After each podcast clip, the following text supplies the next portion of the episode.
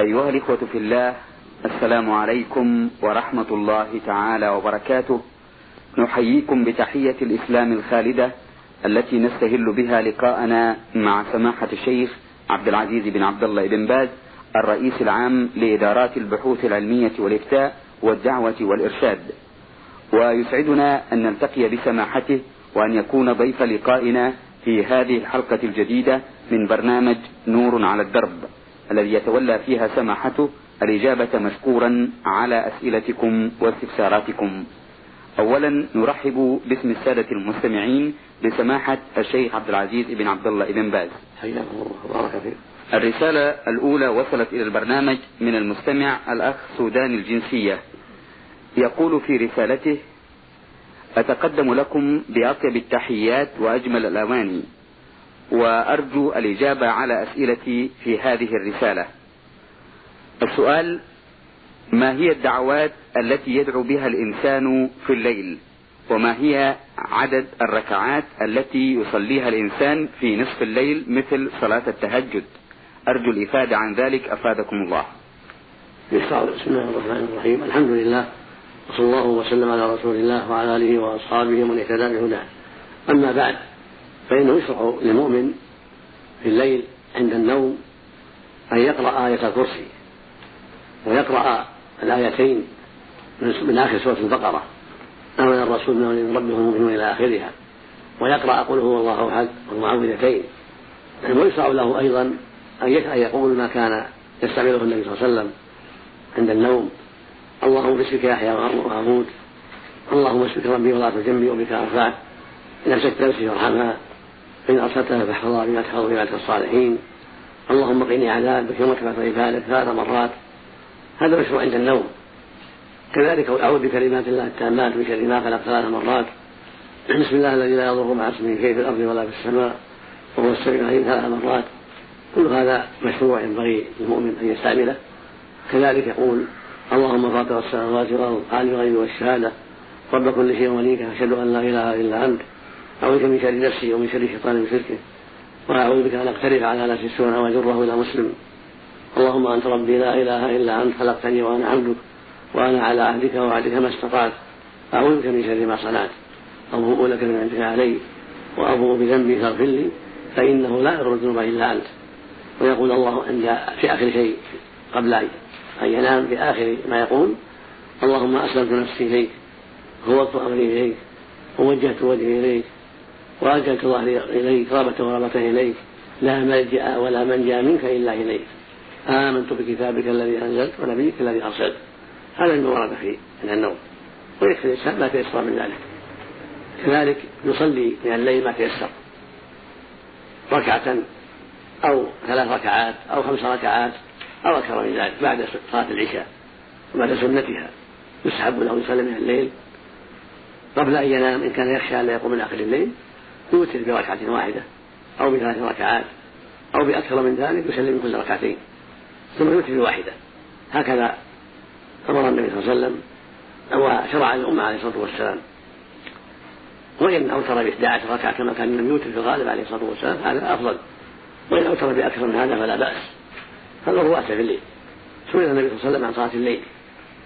فقال صلاة الليل مثنى مثنى فإذا خشي أحدهم الصبح صلى ركعة واحدة توتر له ما قد صلى فهذا الحديث يدلنا على أن السنة في الليل أن يصلي ركعتين ركعتين. يعني يسلم كل ركعتين ثم يوتر بواحدة سواء كان في أول الليل أو في وسطه أو في آخره. والأفضل في آخره. هذا هو الأفضل إذا تيسر للمؤمن أن يقوم من آخر الليل. هكذا المؤمنة. أما إن خاف لا يقوم من آخر الليل فإنه يوتر في أول الليل بعد صلاة العشاء. ولكن آخر الليل أفضل. يعني يوافق التنزل الإلهي. يقول النبي صلى الله عليه وسلم ينزل ربنا إلى سماء الدنيا كل ليلة حين يبقى ثلث الليل الآخر. فيقول من يدعوني فأستجيب له. من يسألني فأعطيه. من يستغفر فأغفر له. متفق على صحته. هذا الحديث العظيم يدل على أن آخر الليل وقت التنزل الإلهي وقت تجاء فيه الدعوات. في الحديث الآخر يقول صلى الله عليه وسلم من خاف أن لا يقوم من آخر الليل فليوتر أول الليل. ومن طمع أن يقوم آخر الليل فليوتر آخر الليل. فإن صلاة آخر المشهود وذلك أفضل. فالأفضل آخر الليل وقوله صلى الله عليه وسلم ربنا هذا نزول يليق بالله لا يشابه الخلق سبحانه وتعالى. هذا نزول يليق بالله عز وجل لا يشابه الخلق في شيء من صفاته. وهكذا قوله سبحانه الرحمن العرش استوى. والاستواء يليق بالله. وهو الرفع والارتفاع والعلو. وهو يليق بالله سبحانه لا يشابه الخلق في استوائهم ولا في نزولهم ولا في كلامهم ولا في غير ذلك. كما قال سبحانه ليس كمثله شيء وهو السميع البصير سبحانه وتعالى. فله الأسماء الحسنى والصفات العلى وله الكمال في كل شيء جل وعلا. لا يشابه الخلق في شيء من صفاته سبحانه هذا هو قول أهل السنة والجماعة. وهو الذي جاءت به الرسل عليهم الصلاة والسلام. وهو الذي درج عليه أصحاب النبي صلى الله عليه وسلم وأتباعهم بإحسان رضي الله عنهم وأرضاهم. نعم. أحسن الله إليكم. السؤال الثاني في رسالة المستمع سين لام يا سوداني مقيم بالعراق. يقول فيه هل يجوز للرجل أن يتحلى بالذهب في أسنانه أو في خاتم في إصبعه؟ أفيدونا أفادكم الله. ليس للرجل يتحلى بالذهب لا في خاتمه ولا غير ذلك. النبي صلى الله عليه وسلم نهى عن التختم بالذهب ولما رأى رجلا في يده خاتم من ذهب نزعه وطرحه وقال يعمد أحدكم إلى جمرة من نار فيضع فيضعها في يده. فلا يجوز للمسلم أن يتختم بالذهب وإنما هذا من شأن النساء. يقول النبي صلى الله عليه وسلم وحل الذهب والحرير لإناث أمتي وحرم على ذكورهم. لكن الأسنان إذا دعت الحاجة إليها لا بأس إذا دعت الحاجة إلى تركيب أسنان من ذهب فلا حرج للرجال والنساء. أما إذا تيسر أن يركب أسنانا من غير الذهب فهو أولى وأفضل وأحوط وإن لم يجد ما ينفع واحتاج إلى أسنان من ذهب؟ فلا بأس. نعم. السؤال الثالث في رسالة المستمع شين لام يا سوداني مقيم بالعراق يقول فيه عندنا في السودان وفي بعض الدول العربية الأخرى عادات مثل المظاهر في مناسبة العرس وحفلات الرقص مع البنات والرجال أفيدونا هل هذا صحيح أم لا؟ أما الاحتفال بالعرس من النساء على حدة ووجود الرقص من إحداهن بينهن من غير مغالطة الرجال ولا اطلاع الرجال هذا لا بأس به. وهكذا تشيع الرجال للزوج عريس إلى بيت أهل الزوجة كونهم يأكلون عندهم طعاما أو يشربون عندهم الشاي أو ما أشبه هذا لا بأس بذلك. أما اختلاط النساء بالرجال في مناسبة الزواج هذا منكر لا يجوز. وهكذا رقص الزوج مع النساء هذا منكر لا يجوز. بل يجب منع ذلك ولا يحل. وهو من أسباب الفتنة. وهو منكر ظاهر لا يجوز. الله المستعان نعم. السؤال آه، الرابع في رسالة الأخ شين لام ياء سوداني مقيم بالعراق يقول فيه ماذا يقول الرجل في ليلة آه، دخوله بزوجته من دعاء؟ أفيدونا أفادكم الله. يقول إذا دخل عليها يسمي الله جل وعلا ويقول اللهم إذا أخذ إذا أخذ بيدها ورأسها يقول اللهم إني أسأل خيرها وخير ما جبلتها عليه وأعوذ من شرها وشر ما ما جبلتها عليه وإذا دعا بدعوات أخرى يسأل الله خيرها ويسأل الله آه، أن تكون زوجة صالحة وأن تكون من أسباب الزوجية الصالحة كل هذا لا بأس به. لكن مما ورد أن يقول اللهم إني أسأل خيرها وخير ما جبلتها عليه وأعوذ من شرها وشر ما جبلتها عليه وإذا صلى ركعتين ودعا ربه فيها هذا حسن يروى عن بعض السلف رضي الله عنه وأرضاه. نعم. السؤال الخامس والأخير في رسالة المستمع شين لام يا سوداني مقيم بالعراق يقول فيه ما هو الحكم في عملية التصوير بالكاميرا؟ داخل البيت أو آه، في مناظر من الأشجار وتذكار بيني وبين الأسرة فقط. هل يجوز ذلك أم لا؟ أفيدونا أفادكم الله. التصوير في الأصل لذوات الأرواح أمر منكر هذا هو الأصل.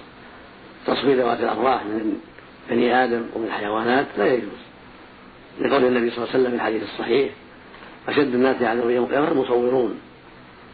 وفي الوقت الآخر يقول صلى الله عليه وسلم إن أصحاب هذه الصور يعذبون يوم القيامة. ويقال وحي ما خلقتم. وقال عليه الصلاة والسلام في الحديث الصحيح وروى جابر في الحديث الصحيح أن الرسول صلى الله عليه وسلم لعن أكل الربا وموكله ولعن مخوف والأحاديث في هذا معنى كثيرة. فالتصوير لا يجوز. لذوات الأرواح. أما تصوير الشجر والجبل والسيارة والسفينة فلا بأس بذلك. وهكذا إذا دعت الحاجة للصورة مثل إنسان يريد حفظ النفوس ولا تحصل له إلا بالصورة فلا بأس يعني الحاجة شديدة وهو مضطر. هكذا إذا رأى ولي الأمر تصرف المسلمين حتى ينقب عنهم حتى يتقى شرهم أو لأسباب شرعية دعت الحاجة إلى ذلك لمصلحة المسلمين. فلا بأس بذلك. نعم. أحسن الله إليكم. هذه رسالة وصلت إلى البرنامج من المستمع باء لام دال العراق محافظة التأميم. يقول في رسالته وفي بدايتها بسم الله الرحمن الرحيم. السلام عليكم ورحمة الله وبركاته. أرجو من أصحاب السماحة والفضيلة الإجابة على أسئلتي. السؤال الأول قال الله تعالى في كتابه العزيز ومن يعش عن ذكر الرحمن نقيض له شيطانا فهو له قرين. السؤال هل يغفر الله للذي لم يصر على ما فعله وماذا عليه أن يفعل ليطهر نفسه ليرفع الحدث الشيطاني من جسمه؟ أفيدونا أفادكم الله. معنى الآية يقول الله سبحانه ومن يعش عن ذكر الرحمن نقيض له شيطانا فهو له قرين مع أنها غفلة يعني يغفل ويعرض عن ذكر الله نقيض له شيطانا فالإنسان إذا غفل عن ذكر الله وأعرض عن ذكر الله يقيض له الشيطان حتى يصده عن الحق وحتى يشغله بالباطل. فينبغي المؤمن أن يحذر ذلك وأن يجتهد في ذكر الله بقلبه ولسانه وأعماله حتى يسلم من شر عدوه. فالعدو الشيطاني وسواس الناس عند الغافلة يوسوس ويدعو إلى الباطل ويثبط على الحق وعند ذكر الله يخلص ويتصاغر ويبتعد فالمشروع لك يا عبد الله ولكل مسلم ومسلمة أن يكثر من ذكر الله وأن يحاسب نفسه دائما في ذلك حتى يسلم من مكائد أعدائه وإذا تاب العبد من سيئاته تاب الله عليه. كما قال الله جل وعلا والذين إذا فعلوا فاحشة أنفسهم ذكروا الله لما استغفروا لذنوبهم ومن يغفر الذنوب إلا الله. ولم يصروا على ما فعلوا وهم يعلمون. أولئك جزاؤهم مغفرة من ربهم وجنات تجري من تحتها الأنهار خالدين فيها ونعم العاملين. فأخبر سبحانه أن أن التائب المستغفر غير المصر جزاؤه المغفرة والجنة فإذا تاب العبد إلى الله من سيئاته من زنا أو سرقة أو شرب مسكر أو غير هذا من المعاصي تاب توبة صادقة وأقلع من الذنوب وتركها خوفا من الله وتعظيما له. وندم على الماضي ندما صادقا وعزم أن لا يعود فإن الله يغفر له سبحانه وتعالى. كما قال سبحانه وتوبوا إلى الله جميعا. أيها المؤمنون لعلكم تفلحون. وقال النبي صلى الله عليه وسلم التوبة تهدم ما كان قبله. وهي المصيبة العظيمة يصر ويبقى على السيئة هذه المصيبة. لكن إذا من الله عليه بالتوبة والإقلاع والندم والعزم أن لا يعود فقد أفلح. وإذا كان عنده مظالم للناس في دمائهم أو أموالهم أو أبشارهم أو أعراضهم فالواجب عليه أنه يرد حقهم إليهم أو يستحلهم من ذلك. فإذا أحلوه وأباحوا سلم من شر حقهم ومظالمهم والله المستعان. نعم. أحسن الله إليكم. السؤال الثاني في رسالة المستمع باء لام دال من العراق محافظة التأميم يقول فيه إنني كثيرا ما أذكر الله ذكرا كثيرا ولكنني لا أصلي. وسمعت من بعض الأصدقاء أن هذا الفعل يعتبر من الكفر بالله عز وجل أي ذكر الله بدون صلاة. فما حكم الإسلام في ذلك؟ أفيدونا أفادكم الله. الصلاة, الصلاة هي عمود الإسلام وهي أعظم الأركان بعد الشهادتين. يقول الله عز وجل حافظوا على الصلوات والصلاة الوسطى. ويقول سبحانه وأقيموا الصلاة وآتوا الزكاة واركعوا مع الراكعين والآيات في الصلاة كثيرة. ويقول النبي صلى الله عليه وسلم رأس الأمر الإسلام وعموده الصلاة وذروة سنامه الجهاد في سبيل الله فجاءت الصلاة عمود الإسلام. ويقول صلى الله عليه وسلم العهد الذي بيننا وبينهم الصلاة فمن تركها فقد كفر. ويقول عليه الصلاة والسلام بين الرجل وبين الكفر والشرك ترك الصلاة. فأنت عليك أن تتقي الله وأن تبادر بالتوبة. أما ذكر الله مع ترك الصلاة ما ينفعك. عليك أن أن تحافظ على الصلاة وأن تستقيم عليها في أوقاتها وأن تصليها مع إخوانك المسلمين في المساجد. هذه هي فريضة العظيمة وعمود دينك.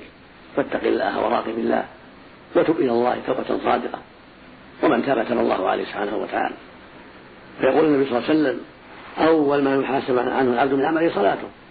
فإن صلح صلحت فقد أفلح وأنجح وإن فسدت فقد تاب وخسر. نسأل الله العافية.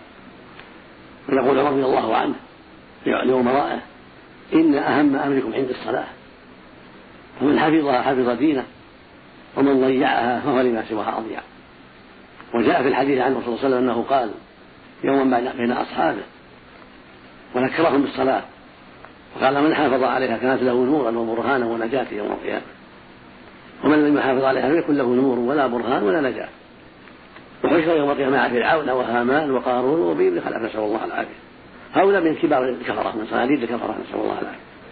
قال بعض أهل العلم إنما يحشر من ضيع الصلاة مع هؤلاء الكفرة لأنه إن ضيعها من أجل الرياسة والملك صار شبيها من فرعون. فيحشر معه يوم القيامة. وإن ضيعها بسبب الوزارة والوظيفة صار شبيها بهامان وزير فرعون فيحشر معه يوم القيامة إلى النار. وإن ضيعها بسبب الأموال والشهوات صار شبيها بقارون تاجر بني إسرائيل الذي بغى وطغى وحمله حب المال وكثرة المال على الكفر بالله عز وجل فخسر الله به ولداء الأرض. فمن شغل بالمال عن الصلاة حشر مع قارون نعوذ بالله من ذلك. ومن شغل عن الصلاة بالتجارة والبيع والشراء والمعاملات صار شبيها بأبي بن خلف تاجر أهل مكة الكافر. وقد قتل كافرا فيحشر معه يوم القيامة نعوذ بالله إلى النار. فالواجب على كل من ضيع الصلاة أن يتوب إلى الله. من الرجال والنساء جميعا الواجب على الجميع التوبة إلى الله. والبدار بالمحافظة على الصلاة والندم على ما مضى ومن تاب تاب الله عليه رزق الله جميع التوفيق والهداية. أحسن الله إليكم. السؤال الثالث في رسالة الأخ باء لام دال من العراق محافظة التأميم يقول فيه إذا انتحر شخص لظروف حياتية وما يلاقيه من ضيق في المعيشة والإنفاق على أسرته هل هذا يعني أنه سوف يخلد في جهنم؟ أفيدونا أفادكم الله. الانتحار منكر عظيم وكبيرة من كبائر الذنوب لا يجوز المسلم ينتحر. يقول الله عز وجل ولا تقتلوا أنفسكم إن الله كان بكم رحيما. ويقول النبي صلى الله عليه وسلم في الحديث الصحيح من قتل نفسه بشيء عذب به يوم القيامة. فالواجب على المؤمن التصبر والتحمل إذا حصل عليه نكبة ومشقة في دنياه. ألا يعجل في قتل نفسه بل يحذر ذلك ويتقي الله ويتصبر ويأخذ بالأسباب. ومن يتقي الله يجعل له مخرجا. وإذا قتل نفسه فقد تعرض لغضب الله وعقابه وهو تحت مشيئة الله. لأن قتل النفس دون الشرك. والله يقول سبحانه إن الله لا يغفر أن يشرك به ويغفر ما دون ذلك لمن يشاء. فما دون الشرك فهو تحت مشيئة الله. وقتل النفس دون الشرك. وهكذا الزنا وهكذا السرقة وهكذا شرب المسكر كلها معاصي دون الشرك. وصاحبها تحت مشيئة الله. إذا مات على معصيته. إن شاء الله سبحانه غفر له. لأعمال صالحة ولإسلامه الذي معه. وإن شاء عذبه في النار على قدر معصيته ثم بعد ما يطهر ويمحص يخرج من النار ولا يخلد عند أهل السنة والجماعة العاصي لا يخلد في النار لا القاتل ولا غيره لا يخلد في النار. ولكنه يعذب إذا شاء الله تعذيبه يعذب ما شاء الله في النار على قدر معاصيه ثم يخرجه الله من النار إلى نهر يقال نهر الحياة. فينبتون فيه كما تنبت الحبة في حمل السيل. فإذا تم خلقهم أدخلهم الله الجنة بإسلامهم وإيمانهم الذي ماتوا عليه. ولا يخلد في النار إلا كفرة. لا يخلد في النار إلا كفرة المشركون الذين كفروا بالله ورسوله أو كذبوا رسله أو أنكروا ما جاءت به رسله أو ما أشبه من أنواع المكفرات. وأما العاصي فلا يخلد عند أهل السنة والجماعة خلافا للخوارج والمعتزلة فهي طائفة الخوارج وطائفة المعتزلة وهما طائفتان ضالتان تقولان إن العاصي يخلد في النار إذا دخلها. هذا غلط كبير. أما أهل السنة والجماعة وهم أصحاب النبي صلى الله عليه وسلم وأتباعهم بإحسان فإنهم يقولون لا يخلد العاصي في النار إذا لم يستحل المعصية. إذا مات وهو يعلم أنها معصية لكن حمله الشيطان عليها. هذا لا يخلد ولكنه تحت مشيئة الله. إن شاء الله عفى عنه فأدخله الجنة بإسلامه وإيمانه. وإن شاء عذبه في النار على قدر معاصيه. ثم بعد التطهير والتمهيز يخرجه الله من النار إلى الجنة. وقد تواترت الأحاديث عن رسول الله عليه وسلم أن بعض الناس يدخل النار بمعاصيه ثم يخرجه الله من النار بشفاعة الشفعاء أو برحمته سبحانه من دون شفاعة أحد جل وعلا. كل هذا ثبت عن رسول الله عليه الصلاة والسلام. نعم. أحسن الله إليكم. السؤال الرابع والأخير في رسالة المستمع با لام دال من العراق محافظة التاميم يقول فيه ما معنى قول الله سبحانه وتعالى إن الله وملائكته يصلون على النبي؟ يا أيها الذين آمنوا صلوا عليه وسلموا تسليما. صدق الله العظيم. هذه الآية العظيمة فيها شرف للنبي صلى الله عليه وسلم. وبيان منزلته عند الله وأنها منزلة عظيمة. ولهذا قال إن الله وملائكته يصلون على النبي. والصلاة من الله ثناؤه على عبده في الملأ الأعلى. ثناؤه عليه. وذكره بأوصافه الجميلة عند الملائكة. هكذا صلاة الله على عبده كما قال أبو العالية وجماعة من السلف. وتطلب الصلاة من الله على الرحمة كما قال سبحانه هو الذي يصلي عليكم وملائكته الذي يرحمكم ويثني عليكم سبحانه وتعالى. فثناء الله على عبده عند الملائكة وذكر أوصافه الجميلة العظيمة هذه صلاة الله على عبده. ويدخل فيها أيضا رحمته لعباده وإحسانه إليه سبحانه وتعالى. والملائكة صلاتهم الدعاء. دعاؤهم للمصلى عليه وترحمهم عليه وثناؤهم عليه أن يقال له صلاة كما في الحديث الملائكة تصلي على أحدكم ما دام من تقول اللهم اغفر له اللهم ارحمه اللهم تب عليه.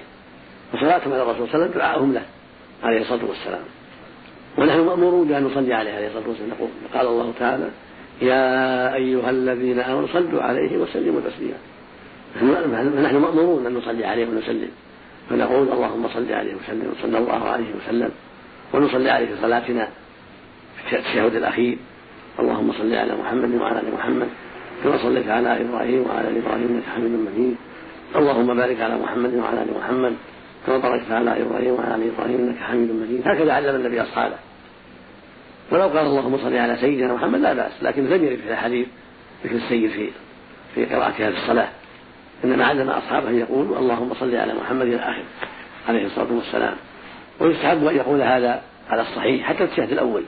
بعد الشهادتين بعد ما يختم الشهادة يصلي على النبي ثم ينهض إلى الثالثة على الأرجح لعموم الأحاديث الواردة عن رسول الله عليه الصلاة والسلام ذلك. وهكذا يشرع لنا ويتأكد أن نصلي عليه كثيرا يوم الجمعة وليلتها. وهكذا يشرع لنا عند ذكره إذا مر ذكره عليه الصلاة والسلام أن نصلي عليه. بل يجب لقوله صلى الله عليه وسلم ما أنكم امرئ ذكرت عنده فلا نصلي عليه. هذا يدل على وجوب الصلاة عند ذكره عليه الصلاة والسلام. وهكذا بعد الأذان إذا فرغ المؤذن قال لا إله إلا الله يقول هو هو والمستمع اللهم صل وسلم على رسول الله اللهم رب هذه الدعوة التامة والصلاة القائمة آت نبينا محمد الوسيلة والفضيلة وبعثه مقام محمود ويوسع إنك لا تدخل الميعاد. لقوله صلى الله عليه وسلم لما سئل عن ما يقوله بعد حين يسمع المؤذن قال قولوا كما يقول المؤذن. ثم صلوا علي فإنه من صلى علي واحدة صلى الله عليه بها عشرا ثم سأل الله الوسيلة فإن منزلته في الجنة لا تنبغي إلا لعبد من عبد الله. وأرجو أن أكون أنا هو. فمن سأل الوسيلة حلت له الشفاعة. وفي اللفظ الآخر يقول صلى الله عليه وسلم من قال حين يسمع النداء اللهم رب هذه الدعوة التامة والصلاة القائمة آت محمدا الوسيلة والفضيلة وبعث المقام محمد إنك لا تظلم حلت له شفاعة يوم القيامة. هذا كله مما شرعه الله لنا سبحانه وتعالى في حقه عليه الصلاة والسلام. فينبغي المؤمن والمؤمنة الإكثار من الصلاة والسلام على رسول الله عليه الصلاة والسلام آه، في الليل والنهار. وأن يكثر من ذلك المؤمن في الجمعة وليلتها وإذا سمع ذكره صلى عليه عليه الصلاة والسلام. وهكذا في الصلاة الشهد الأول والشهد الأخير. والصلاة على النبي في الشهد الأخير واجبة عند جمع من العلم. وقال آخر ركن من أركان الصلاة في الشهد الأخير. فينبغي المؤمن أن يحرص على ذلك وألا يدع ذلك. صلى الله وسلم عليه وعلى آله وأصحابه صلاة وسلاما دائما إلى يوم الدين. نعم. أحسن الله إليكم. هذه رسالة وصلت إلى البرنامج من المستمع مكاوي أحمد محمد من جمهورية مصر العربية. يقول في رسالته هل يصح لي أن أقوم بأداء العمرة عن والدتي المتوفية حيث أني قد أديت العمرة عن نفسي في رمضان هذا العام؟ وهل يصح لي أن أقوم بأداء العمرة عن والدتي بعد أداء فريضة الحج أو قبل أدائي لفريضة الحج؟ أفيدونا أفادكم الله. نعم. لا بأس بذلك بل أنت مأجور. مشروع لك أن تحسن إلى والدتك في العمرة قبل الحج أو بعده. وإذا كنت في مكة تحرم من الحل؟ يعني خارج مكة خارج الحرم من مساجد عائشة التنعيم أو من الجرانة أو غيرهما من الحل. كما أمر النبي عائشة رضي الله عنها لما أرادت العمرة بعد الحج أن تحرم من الحل من التنعيم. هكذا السنة لمن كان في مكة إذا أراد العمرة لنفسه أو لغيره أن يخرج إلى الحل ثم يلبي بالعمرة هناك ثم يدخل فيطوف سبعة أشواط من البيت ويصلي ركعتين خلف المقام أو في أي بقعة من المسجد. ثم يسعى بين الصلاة والسبعة أشواط ثم يقسم الرأس. هكذا العمرة وأنت مأجور في ذلك نعم. أحسن الله إليكم. أيها الإخوة في الله باسمكم جميعا نشكر سماحة الشيخ عبد العزيز بن عبد الله بن باز الرئيس العام لإدارات البحوث العلمية والإفتاء والدعوة والإرشاد على هذا اللقاء في برنامج نور على الدرب. الذي أجاب فيه سماحته مشكورا على أسئلة الإخوة المستمعين. المستمع شين لام ياء سوداني مقيم بالعراق. المستمع باء لام دال العراق محافظة التأميم. وأخيرا رسالة المستمع مكاوي أحمد محمد من جمهورية مصر العربية. أيها الإخوة الأكارم شكرا لكم على حسن إنصاتكم ومتابعتكم للبرنامج. وإلى لقاء آخر إن شاء الله تعالى من لقاءات الخير والبركة. والسلام عليكم ورحمة الله وبركاته.